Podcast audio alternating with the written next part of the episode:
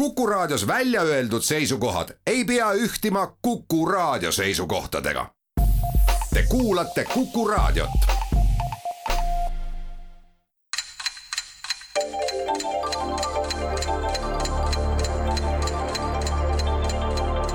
tarkade klubi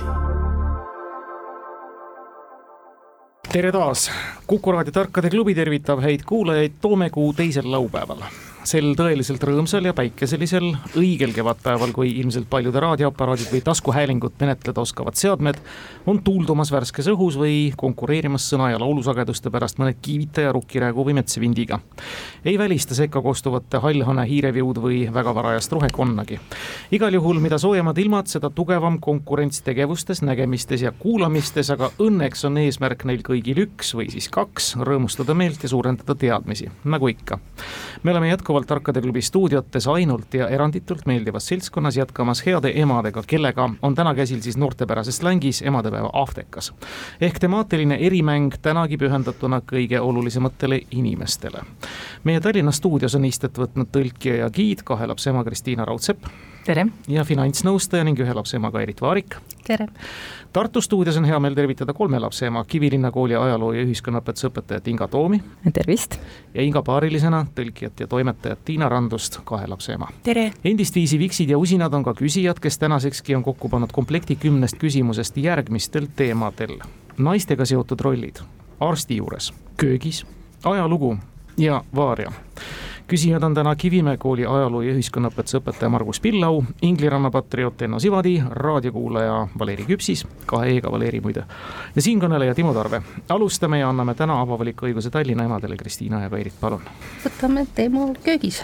ja, ja siin palub juba saatejuht vabandust sellise arhailis-šovinistliku lähenemise pärast, et see mäng peaks kindlasti emadele sobima, ei ta sobib ka isadele. isadele ka väga hästi ja ongi kohe Enno Sivadi küsimus meil mängu avamas. Armeenia rahvusköögi toidud on näiteks lambaliha ja köögiviljade hautis hutš, samuti supp nimega putuk ja küpsetatud kana, mida kutsutakse sealkandis tabak. aga kuidas need Kaukaasia iidse rahva hõrgutised endale on nime saanud?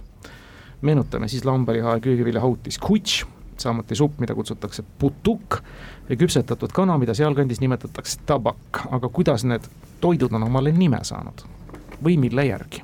Keele küsimus. No üks võimalus oleks pakkuda, et niimoodi nimetatakse seda nõud, mille sees nad valmistatakse, nagu on see Maroko tagin või, küpsetatud kanatabak. see on loogiline, loogiline vastus küll. On ja see annab ka punkti, täpselt nõndaviisi see ongi ja tuleb tunda natukene tõesti keeletraditsioone ja ka kokandustraditsioone roog on saanud selle järgi nime, millest teda valmistatakse, no tandoori kana näiteks ja nõndaviisi edasi. toitude nimed pärinevad siis anumate nimetustest, milles neid valmistatakse, tõlgime siis ära ka, kutš on siis suur pann, putuk on savipott ja tabak on erilise kaanega pann. suurepärane algus, Tallinn on läinud mängu juhtima pärast avaküsimust. palun, tartlannad, Inga ja Tiina. no kuna meil siin ikkagi ajalooõpetaja on, siis ma julgen võtta ajaloo jaa, ja nüüd vaatame, kuhu see ajaloo küsimus meid viib. kaugele Aurelia Cotta lahkus siit ilmast viiekümne neljandal aastal enne Kristust kuuekümne kuue aastasena, olles elanud toonase aja kohta ikka väga pikka elu. tema lahkumine siit ilmast nõnda kõrges vanuses on selgelt ümber lükanud ka ühe levinud ajaloolis-meditsiinilise fakti. Ja seeläbi peaks olema kahtluse all ka ühe konkreetse teatud protseduuri nimetus arstiteaduses. millise protseduuri või millise ajaloolise fakti kohta me küsime mm? -hmm. et nime järgi saab arvata, arvata, et tegemist on naisterahvaga, kelle isa nimi oli Aurelius ja kui nüüd vaadata, elas kuuskümmend kuus aastat, mis tähendab, et siis suri või tähendab sündis, eks ole, kuskil teise eh, sajandil enne Kristust, selle lõpus tõenäoliselt eh, kuuekümne kuue aastane daam on, eks ole, vanaema vanuses et kas võis olla mingisugune selline arvamus millalgi, et äh, vana aja inimesed mingil põhjusel ei elanudki teatud east pikemalt või, või mis mõtteid sul tekib? aga ta viitas seal midagi mingile meditsiinilisele protseduurile mm. -hmm tema lahkumine siit ilmast nõnda kõrges vanuses on selgelt ümber lükanud ka ühe levinud ajaloolis-meditsiinilise fakti ja seeläbi peaks olema kahtluse all ka ühe konkreetse teatud protseduuri nimetus arstiteaduses. millise protseduuri või millise ajaloolise fakti kohta me küsime? kas on meil äkki mõni protseduur, mis on kuidagi aga Aureliuse või Kotaga oota, seotud? aga minul hakkas praegu, praegu kuskilt koitma, et, et ütleme, see keisrilõige, et äkki, äkki, äkki oli tema näiteks esimene eh, naine, kes on näiteks teadaolevalt keisrilõike üle elanud, kuidas selline ajaloolis-meditsiiniline fakt, mis ümber lükati. nüüd hakkab nüüd huvitama, et mis, mis, mis, mis fakt see nüüd siis ümber lükati? kas, kas keisrilõige minul on olnud kuidagi äh, ähmane teadmine, et see on kuidagi seotud Caesariga, aga see võib olla muidugi absoluutselt vale. aga noh, Caesar elaski ju tegelikult äh, hilisemas äh,, noh hiljem, eks ole. no seda enam. et, äh, et Caesar, Caesar suri ju nelikümmend neli enne Kristust. ma rahistan praegu ajusid, kas ma suudan välja mõelda mõne meditsiinilise protseduuri selle nimega seotud, aga ei tule. ei ole meil ühtegi aureloskoopiat. mis, mis fakt see ikkagi sai olla, mida tema eluiga sai ümber lükata? Mis oli aastal viiskümmend neli, siis ei olnud ka ühtegi, mis ajas nad ise oma arust tol ajal elasid, kas need, mis aastanumbris no roomlased, roomlased arvasid aega, eks ole, Rooma linna asutamisest alates, seitsesada viiskümmend kolm enne Kristust, et äh, see, see oli nagu nende aja arvamise alguspunkt, et ma ei, ma nagu sellega ei oskaks kuidagi seostada seda. ei olnud neil aasta kaks tuhat oma, omas vormis paanikat? ei, minu teada siis nagu just, just, justkui mitte, et ei see et kõik kivitahvlid korraga ära kustuvad? jah, see peaks olema, eks ole, vabariigi, vabariigi aeg, et ma sellega nagu otseselt ei oskaks seostada. aga noh, ma ei oska öelda, võib-olla pakkuda siis seda keisrilõiget, sest naisterahvaga, naisterahvaga on, on tegemist ilmselgelt, et esimene naine teadaolevalt, kes on näiteks siis üle elanud keisrilõike ja noh, jõudnud nii-öelda vanaema ikka siis. no põhimõtteliselt on see punktine vastus küll ja nõndaviisi seda siis ka käsitleme. täpsustame küll vastust, Aurelia Cotta oli Julius Caesari ema ja keisrilõige, mis väidetavalt on just saanud nimetuse Julius Caesari järgi, kes sel viisil ilma tuli, on nüüd faktina ümber lükatud. sellest teadmisest, et Vanas Roomas, kui kasutati keisrilõiget, tehti seda vaid loote päästmiseks ja emad hukkusid eranditult sünnitusel. Aurelia aga jäi ellu ja elas viisaka vanuseni, seega on kaheldav, kas Julius ikka tuli keisrilõike teel ilmale või mitte. see on see ajaloolis-meditsiiniline fakt. nii et te olite õigel teel, aga nüüd täpsustasime nii-öelda selle fakti ka ära. Üks-üks ja Kristiina Kairit valivad. hea töö, Tartu. võtame siis naistega seotud rollid. ja küsime siis seesugust asja, jällegi viib küsimus meid Taisse tuhande üheksasaja üheksakümne kolmandal aastal loodi Tai kuninglikus politseis, Bangkoki liikluspolitseis täpsemalt üks eriüksus, mille järele naiste spetsiifilistest vajadustest lähtuvalt konkreetne praktiline nõudlus oli kujunenud. Ning nii, nagu praktika näitab, on vastaval üksusel ikka ja jälle vaja oma tööülesandeid täita. millise otstarbega üksus või kelle kohta me küsime? Bangkoki liikluspolitseis naiste spetsiifilistest vajadustest lähtuv konkreetsete ülesannetega üksus. liikluspolitseis, mitte tavapolitseis, et muidu oleks pakkunud kohe, et mingi naiste läbiotsimist ainult naised tohtisid teostada. kas Tai ühistransport on ka väga ülekoormatud? raudselt on.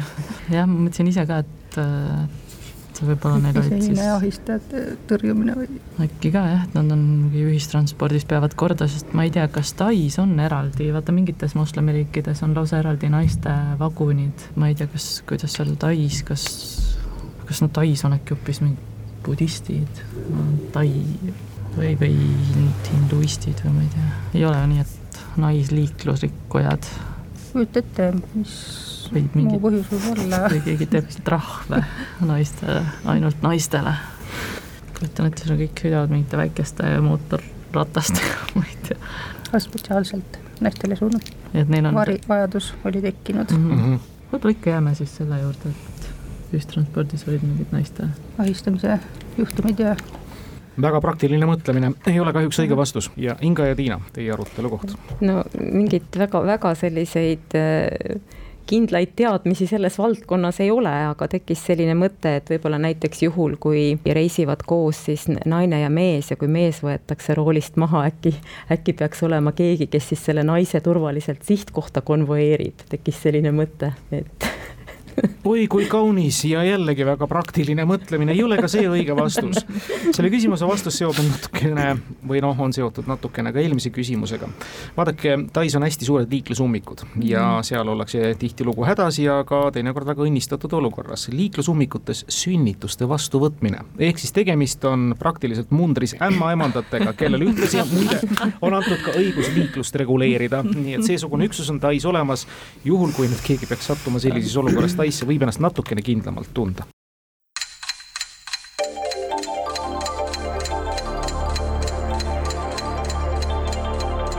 tarkade klubi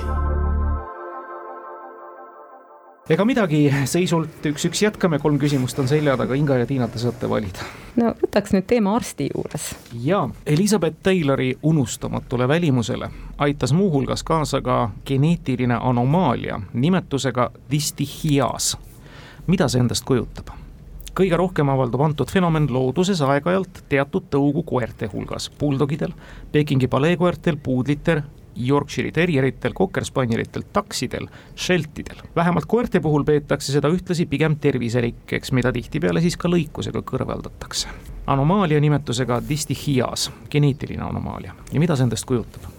No tal oli tasuta käes sees, mille, mille eest tänapäeval kallist raha makstakse, ehk siis tal oli minu, minu teada kaks rida ripsmeid. ja suurepärased teadmised ka selles vallas, tõepoolest kahekordsed ripsmed, täpsemalt siis seisund, kui silmalaugude näärmetes täiendav rida või täiendavad ropsmed välja kasvavad ja tõsi ta on jah, tänapäeval makstakse selle eest ka väga kallist raha, et seesugust välimust endale siis peamiselt vist naaritskarvades tehakse seda endale ka saada.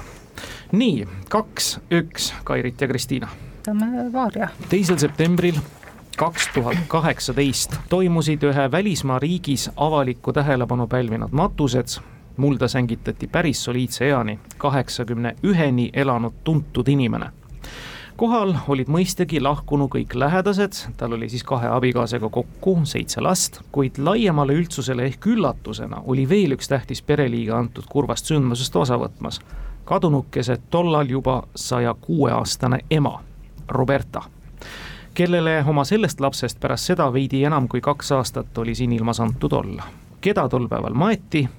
Eestigi pinnale on küsitava tuntud inimese jalg astunud. kaheksakümne üheselt suri kaks tuhat kaheksateist, teisel septembril maeti ema Roberta ja tegemist on inimesega, kelle jalg on Eestimaalgi käinud. teen küsimuse nii palju ikka lihtsamaks teile, et tegemist on Ameerika Ühendriikides väga tuntud inimesega olnud. kes on käinud, kellel on põhjust käia, on poliitikud, on ju, või siis mingid staarid, kas see vana rumal küsimus pole, aga see vanem Bush on surnud seitse last, kaks naist. äkki ka pakume siis ühte perekond George Bush. vanem. vanem. ja tema meie hulgast lahkunud küll, aga ei ole kahjuks õige vastus. George Bush vanem lahkus äh, üheksakümmend pluss vanuses no,. nii aga Inga ja Tiina, teie pakkumine no,? tuleb tunnistada, et meie mõte käis sama rada ja, ja on nüüd tupikus. et ilmselt, ilmselt on tegemist siis uskliku inimesega, kus peres on nii palju lapsi ja, ja ka käis, käis, käis täpselt seda, seda rada pidi, et, et kui ta on Eestis käinud, et võiks olla näiteks poliitik, aga siin said ka mõtted otsa ei tea jah, kellel nii eakad emad olid. et no tegelikult, kui nüüd hakata ta-, meenutama, et see kaks tuhat kaheksateist ei ole ju nii ammu, et kolm pool aastat tagasi sügisel, tõenäoliselt oli see ikkagi selline, sellise inimese lahkumine, kellest räägiti. vaataks, oota, mis ta sünniaasta siis peaks, peaks olema, eks ole, et kolmkümmend üheksa või? kolmkümmend seitse. kolmkümmend seitse. et ütleme, Ameerika poliitik näiteks sündinud tuhat üheksasada kolmkümmend seitse, mis tähendab, et ütleme, neljakümneaastane oli ta seitsmekümne seitsmendal aastal vana see praegune neil on? praegune Joe Biden on muidugi, on vist ligi, ligi kaheksakümnene, eks ole. sellest ikka vanem? sellest vanem jah oh,. Oh, oh. et ta peaks siis praegu juba üle, üle kaheksakümne olema. mõni Kennedy ei kõlba või? Äh, no Kennedy teatavasti ei ela väga pikalt et et noh, nemad selles mõttes jah, katoliiklased nad olid ja seal oli peredes, peredes palju lapsi ja kui ma ei eksi, siis äkki Rosemary oli nende Kennedy't teema, aga jah, jah, Rosemary, close enough, aga mitte, mitte päris. mm.. aga nüüd, kui võib-olla me oleme selle poliitikaga väga tupikus, et võib-olla, võib-olla nüüd mõelda, et mis, mis muu valdkonna inimene ta võiks veel olla, kes siia Eestisse mingil põhjusel tuleb? no mõni sportlane, liiga vana selleks, mingisugune mm -hmm. muusik, kunstnik, pole jälle kuulnud, mõni sõjaväelane. Et ma kahtlustan, et meil vist ei tule praegu. ei tule vist jah. Ja jääb siis paraku punktita see küsimus, tegemist oli tõepoolest Ameerika Ühendriikides väga tuntud poliitiku, senatori, vabariiklaste presidendikandidaadiga aastal kaks tuhat kaheksa, John McCain, kes elas siis nõnda pikka elu ja ema Roberta elas üle siis ka kolmest lapsest kaks, kes tegelikult ju kaheksakümmend pluss vanuses läksid, nii et tema tütar jäi siis veel lisaks kahele pojale pärast tema lahkumist ellu. nii et selline teadmine ja see oli siis jah, ka laiale maailmale väga suur üllatus, tegelikult Ameerika Ühendriikides mitte, sest Roberta McCain oli üsna tuntud inimene. ega midagi, me oleme poole mängu peal, Inga ja Tiina, tartlannade kaks-üks eduseisus ja Inga-Tiina, see saate nüüd ka valida ja selles mõttes on huvitav, et kõikidest teemadest on üks küsimus täpselt läinud. noh, võtame selle köögi uuesti. ja küsimus isand Valeri Küpsiselt rahvusroad, nagu teame, on üks kindel moodus soovijatele seista vastu üleilmsele globaliseerumisele ja hoida üleval oma rahvuslikku joont ja lippu. ometi on ka kulinaariast üle tuhisenud ja seda juba sajandeid erinevad lõimumised tuuled ja seeläbi moodustanud täiesti uued iseseisvad ja tugevana seisvad road. nimetage see Ameerika kreooli ja Le Cagé riisiroog, mis on saanud mõjutusi Prantsuse Provençaali, Hispaania ja Aafrika köögist ja mille paljudele eestimaalastele on tuntuks teinud peamiselt üks väga tuntud estraadilaul. riisiroog ja estraadilaul mm. -hmm. Ameerika kreooli ja Le Cagé, noh, kirjutatakse Cajuni mõjutustega, mõjutusi siis Provençaali, Hispaania ja Aafrika köögist mm. -hmm tule küll ette, et mis toitudest võiks olla mõni selline tuntud riisiroog. ei tea, et oleks näiteks mõni paella nimeline roog. ainuke riisiroog, mis vähegi Ameerika lõuna poolt pähe tuleb, on rice and beans, aga sellega vist hetkel, mul läks kõht tühjaks et äh, mis nad selle riisiga seal teevad? keedavad, praevad, mõlemat segavad millegagi. riisipudingid kreoolid. ja see see vist ei, ei, väga ei ole ikkagi magus midagi. pigem panevad vist pipart. jah, et aga, aga mõtleks siis, mõtleks siis nende laulude peale, mis toitudest räägivad. ma saan aru, et sõna estraad kõlab umbes nagu mitte väga uued laulud. mul terendab silme ees Boris Kabur millega ma selle ära teenisin kes laulab riisist Jeerum? miks laulab? riisipuder, rahvusrook, äkki see Riis ei ole seal peategelane, äkki ta on lihtsalt kuidagi seltsiks? kas see peab olema ikkagi nii palju tuntud laul, et, et, et neid sõnu umbes nagu kõik teavad? see on nii tuntud laul, et ma ei saa isegi esitajat öelda. no hakkame siis meenutama, et kes, kes sul seostub sõnaga estraad, noh näiteks Heli Lääts. kas Heli Lääts laulis toidust? Kalmer Tennossaar. Voldemar Kuslap minu peas see tuluka praegu põlema ei lähe. kas lauldi toidust selles äh, muusikalis, kus on see Julie Andrews mängib peaosa, see film, muusikaali film, kas see oli mingi eestikeelsed sõnad, see Von Trappide perekond? helisev muusika. helisev muusika jah, heliseb. kas seal oli mingi laul toidust? sõjaaeg, äkki rasked ajad, vast ikka aga ei tule ette, et oleks mingisugune ja ütleme, see, see laul peab olema pärit sealt kuskilt, kuskilt Ameerikast, eks ole. no mine tea. mida nad sinna, noh, rii-, mingi, mingisugune sellised äh, Tex-Mex tüüpi road, kas neist lauldakse? ütle mõni sihuke Tex-Mex roa pealkiri. mingi burrito Burrito, taco, aga seal ei panda riisi sisse ju. mille sisse pannakse riisi? Paella on äh, väga Hispaania. Hispaania vist ja. ikkagi jah, seostub praegu on küll täiesti, täiesti selline tupik mõtlemises, et. anname vist üle. nii, ja vaatame, siin on ka väga vilgas kirjalik menetlus käinud, nagu see Riigikohtus vahel käib. palun, Kairit ja Kristiina, te võite nüüd julgelt rääkida, vastased ei saa põhimõtteliselt enam kinni haarata. jah, see on noh, selge, et see peab olema mingi vürtsikas autis, ühepajatoit, võib-olla seal on isegi krevetid sees, aga oleks nad pakkuda kohe Terry Pratchetti austajana kumbot, aga see vist on rohkem mingi supp aga siis võib-olla ma ei tea, kas kui sirget teed viisid apelsinimajja, kas jambalaya võiks mingi toit olla, aga minu arvates ei ole. aga mõtlen ka, mõtlen veel, mis, mis midagi, midagi sinnapoole, mingi mingid siuksed Ladina-Ameerika kreooli rütmid, sest noh, jambalaya oli ju see maa mm, -hmm. ei olnud see, mulle öeldi, et see riisipada on jambalaya. Kindlasti seda toitu lihtsalt mainitakse nagu mööda minnes sellest laulust, kohe mingi Mehhiko poolt oleks nagu lihtsamalt mingi tšilli con carne või siis ma, ma olen, ma olen kuulnud mingit sarnast küsimust, aga ma ei, ma ei mäleta ka sii-, ka siis ma ei teadnud, mis õige vastus on. Jumbo on küll see Jumbo vist on suahiili keeles tere, jumbo, jumbo, jumbo. no pakume midagi praegu ka, ega me siin vürtsikas kreooli hautis, mida mõnes peres tuntakse nimega jambalaya. see on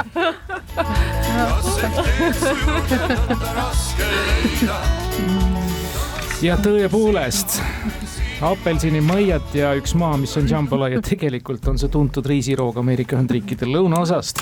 Jambalaiaks teda kutsutakse tõesti, nii et niimoodi tuleb punkt kätte Tallinnale. kaks-kaks, see on viigipunkt. köögiga oleme ühel pool. ma ei tea, kas pärast seda laulu kuulmist kõht endiselt tühjaks jäi, aga Kristiina, ega eriti ei valita võtame nüüd arsti juures. teeme nii, me küsime nüüd millegi kohta, mis muuhulgas paljudele naistele teatud eluperioodidel konkreetses mõttes erilise ja peaaegu et asendamatu tähendusega ja tähtsusega on. esimene teadaolev küsitavale omal kombel tähelepanu pööraja oli ei keegi muu kui Pythagoras, kes mäletatavasti matemaatika ja muusika omavahelise harmoonia küsimustega süstemaatiliselt tegeles. uusaja Euroopa mitmete tippteadlaste, näiteks Pierre Curie koos oma vennaga Jacques'iga tehtud avastused, leiutised tõid meie siinkohal teada tahetava inimkonna jaoks piltlikult väljendudes juba käegakatsutavasse kaugusesse. Pierre Curie õpilane Paul Langevin juhtis aga Esimese maailmasõja ajal töörühma, mis esimese vastaval uurimisobjektil põhineva inimmõtte saavutuse valmis tegid. naisi huvitav rakendus kõigest sellest hakkas alles aga aastakümneid hiljem ilmsiks saama taaskord krüptikat palju. kõigepealt siis me küsime millegi kohta, mis on väga paljudele naistele teatud eluperioodidel konkreetses mõttes erilise ja peaaegu et asendamatu tähendusega. sellega juba tegeles, selle küsimusega Pythagoras ja uuse Euroopa mitmete tippteadlaste Curie koos oma venna Jacques'iga, nende tehtud avastused tõid meie tahet, teadatahetava siis inimkonna jaoks piltlikult väljendudes juba käegakatsutavasse kaugusesse. Curie õpilane Paul Langevin aga juba siis nii-öelda saavutuseni jõudis. ja see, mis nüüd puudutab nii-öelda naiste osa selles rakenduses, sellest kõigest noh, sinna läks veel paarkümmend aastat aega ja teema on arsti juures, see ei ole mitte väheoluline. paljudele naistele teatud eluperioodil asendamatu. peaaegu et asendamatu, jah. kõik see teadus ja kõik, ma mõtlesin, et võib-olla see on kuidagi seotud rasedusega, et äkki jah, matemaatika ja muusika just, et minu arust. et võib-olla see on ultraheliaparaat. ja see on ultrahelidiagnostika. Paul Langevini juhtimisel valmistati algeline sonar, mis oli küll toona militaarotstarbeline, aga meditsiiniline otstarbeline, see hakkas siis viiekümnendatel välja koitma. tõepoolest, kolmas punkt siia. Tallinnasse ja Tartu hingaja Tiina, teie valik, kui kolm küsimust lõpuni. et me võtaksime naistega seotud rollid. väga ilus ja konkreetne küsimus konkreetse rolli kohta. Mahram on islamimaade traditsioonilises kultuuris mees, kellel naistega seoses üks kindel roll on. Mahramiks võib põhimõtteliselt iga mees saada. küsimus kõlab, kes on mahram hmm,? see kõlab huvitavalt. Tõesti. et Tiina, kas sul on oma mahram? mine tea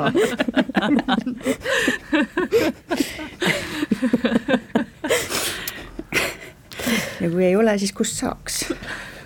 selle üle võime pärast vastuse kuulmist arutleda et iga mees võib saada mahramiks. ja tegemist on, ma saan aru, islami traditsiooniga. ja islamimaade traditsioonilises kultuuris mm. -hmm. see tähendab, et äkki ta peab, peaks olema kuidagi selline järelvaatav nii-öelda roll laiemas mõttes. no kui ta piirdub ja kui ta on jah ainult islamimaades, kui see on nüüd nagu rõhutatud seal küsimuses mm. -hmm. aga muidugi see järelvaatamine või, või no ma saan aru, et, et islamikultuuris on teatud, teatud asjad, mida saab teha ainult oma pereliikmest meesterahva juuresolekul, eks ole et noh, näiteks katmata peaga käimine ja nii edasi, et, et teda järelikult, kui on öeldud, et ta peab olema iga mees, siis ta peab olema kuidagi laiem. põhimõtteliselt iga mees mm. -hmm mis, mis rolle saab neil olla üldse nagu naise suhtes lisaks sellele järelvaatajale, ta saab olla ta saab olla isa, ta saab olla vend, ta saab olla abikaasa, ta saab olla muidugi põhimõtteliselt on igal mehel ema, sest abikaasat igal mehel ei pruugi olla, ka õde ei pruugi olla no ühesõnaga ta võib olla ka hoopis siis äh, poeg, et sest jah, ma eeldan, et põhimõtteliselt igal pojal on ema. jah, aga pakume, see on tegelikult päris, päris laiaulatuslik, poeg ütlete, jah. mida ütleb Tallinn? et iga mees võib hakata kellegi pojaks, vastab ta. põhimõtteliselt võib mahramiks iga mees saada, on küsimuses öeldud, kes on Aga mahram? põhimõtteliselt põhimõtteliselt. jah, me mõtlesime ka, et moslemi traditsioonidele kohaselt võib-olla see on siis keegi, kes peab naist saatma avalikus kohas või kes kuidagi valvab tema järele. mõtlen, et moslemitel ei ole sellist koju, et näiteks, et kui naise mees sureb, siis mingi järgmine elus olev sugulane peab selle naisega abielluma või teda üleval pidama või midagi sellist, sest noh, mingist vaimsest, see peab olema mingi materiaalne side, sest vaimsest sidemest ma ei tea, kas nagu islam, kas ta julgustab inimesi vastassugude vahel mingeid vaimseid sidemeid, välja arvatud jah, see on nagu sugulus nagu ema ja poeg, mingi mi- midagi pihiisa taolist või? Ma pakuks seda ikkagi saatjat. et ikka saatja avalikus kohas, et see võib olla nii poeg kui noh, see on see perekonnasisene poeg, vend, isa. peaasi, et Peaasi, et mõni mees kaasas on no jääme selle juurde. Ja, ja see on täispunkti vastus tõesti, me räägime ikkagi saatjast, põhimõtteliselt mees, kes naisega kellega tavaliselt lähedases suguluses suhtes on avalikus kohas või ka pikemal teekonnal kohustusliku saatjana kaasas käib. Muide tõlkes, see, kellel on haaremile ligipääs, tähendab mahram.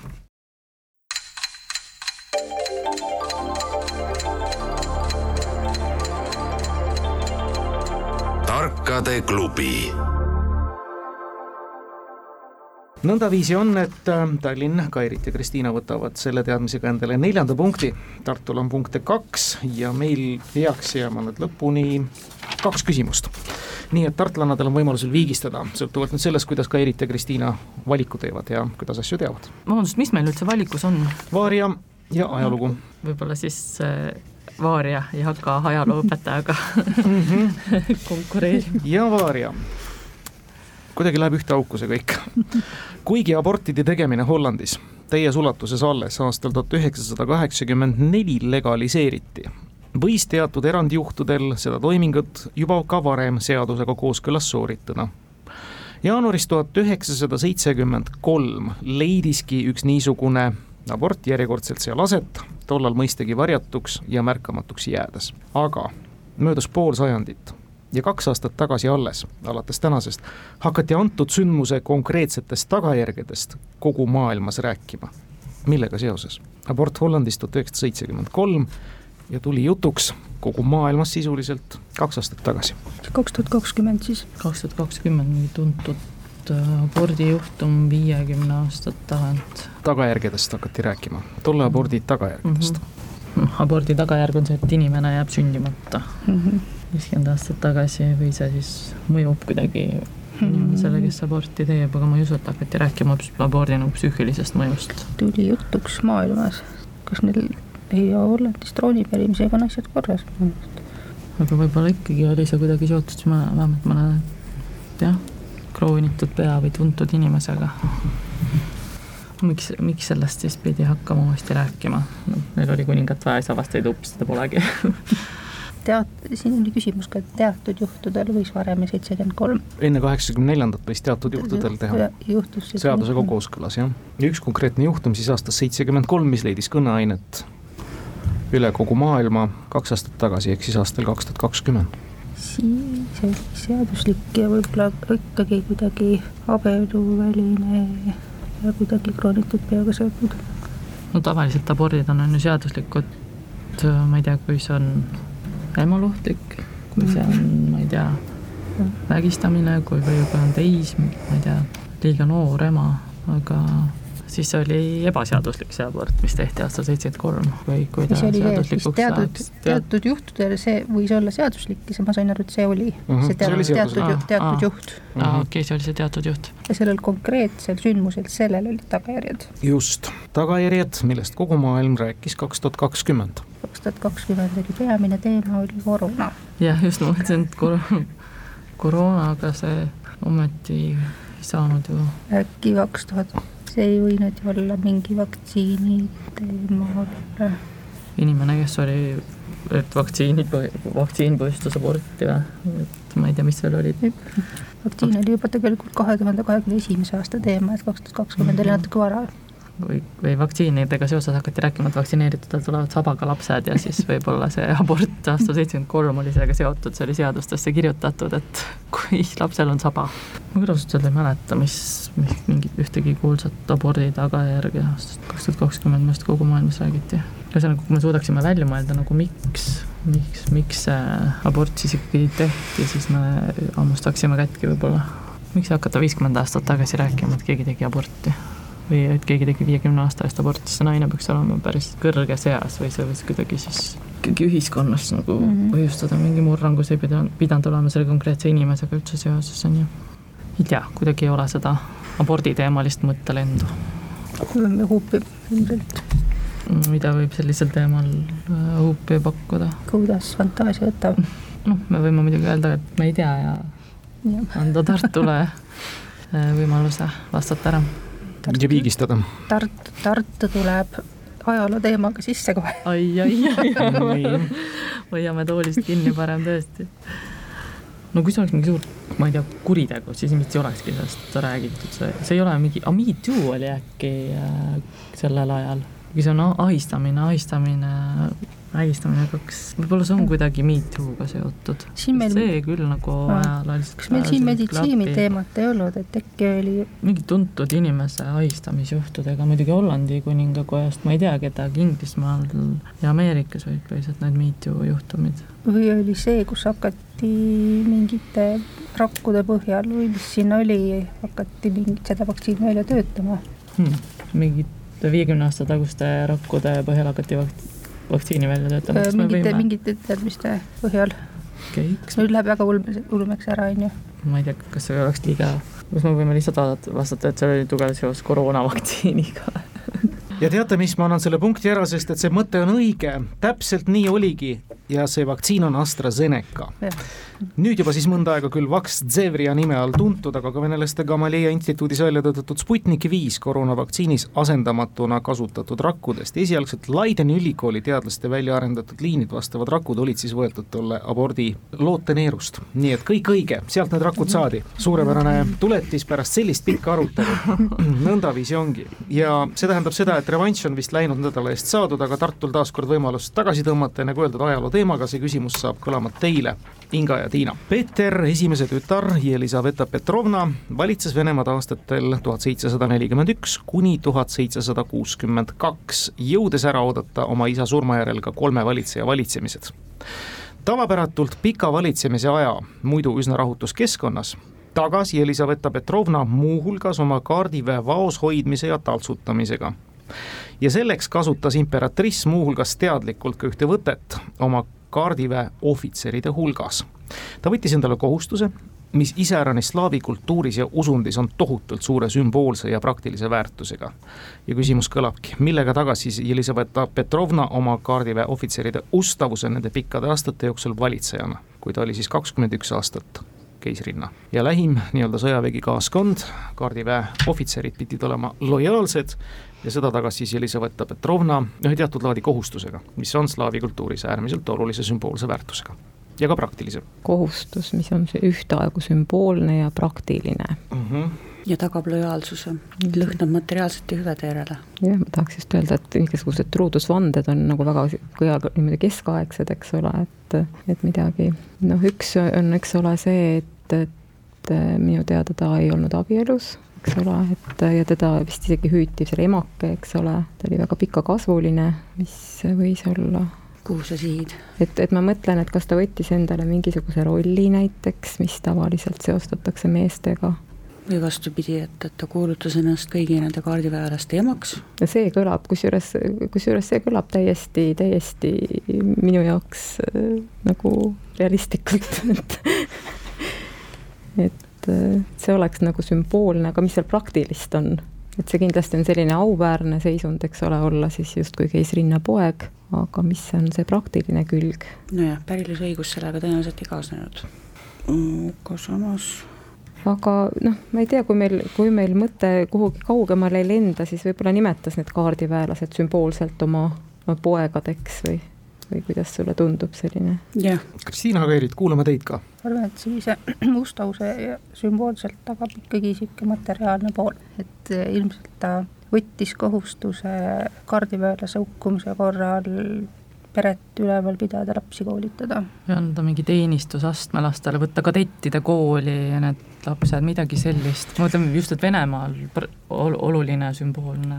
teeme niimoodi, et selle punkti me poolitame. see kõik läheb sellise nimetaja alla, kui et Elisaveta Petrovna oli kõigi oma kaardiväe ohvitseride laste ristiema ta võttis kohustuse olla nende ristiema, mitte päris ema nüüd kaardiväe ohvitseridele, vaid nende lastele ja sellega kaasnes loomulikult ka see praktiline pool, et ristiemal lasus vastutus, juhul kui midagi on ja ka juhul, kui midagi ei ole, siis ristilaste eest slaavi kultuuris hoolitsetakse ikkagi päris märkimisväärsel kombel. ja ongi nii, et Kairit ja Kristiina on saanud siis läinud nädala eest revanši, täna siis tulemusega viis pool ja kaks pool Inga ja Tiina vastu, aga ütlemata kaks vahvat maikuu laupäeva on teiega saanud koos veeta ja kõige selle vahvuse peale, mis täna kostus, kuulame siis ära ka teie arvamise tänase mängu kostunud küsimustest, mis see neist parim võis tunduda või, või teistest esile tõusis? kõige rohkem pani vist pead murdma meid siinpoolse see küsimus, mis lõpuks jõudis AstraZenecani ehk siis loode aastast seitsekümmend kolm, mis koroonavaktsiinile andis siis vajalikud geenid. -hmm. ja see viimane küsimus oli ka täitsa tore jällegi, et kui oleks rohkem mõelnud selle usu peale, siis võib-olla oleks ka ristiema ja Elisabetta Petrovna oma kaardiväe lastele, võib-olla tõesti. igal juhul vahva on olnud, aitäh teile ja rõõmsat kevade jätku teile, teie lastele ja kogu peredele. taas kuulmiseni.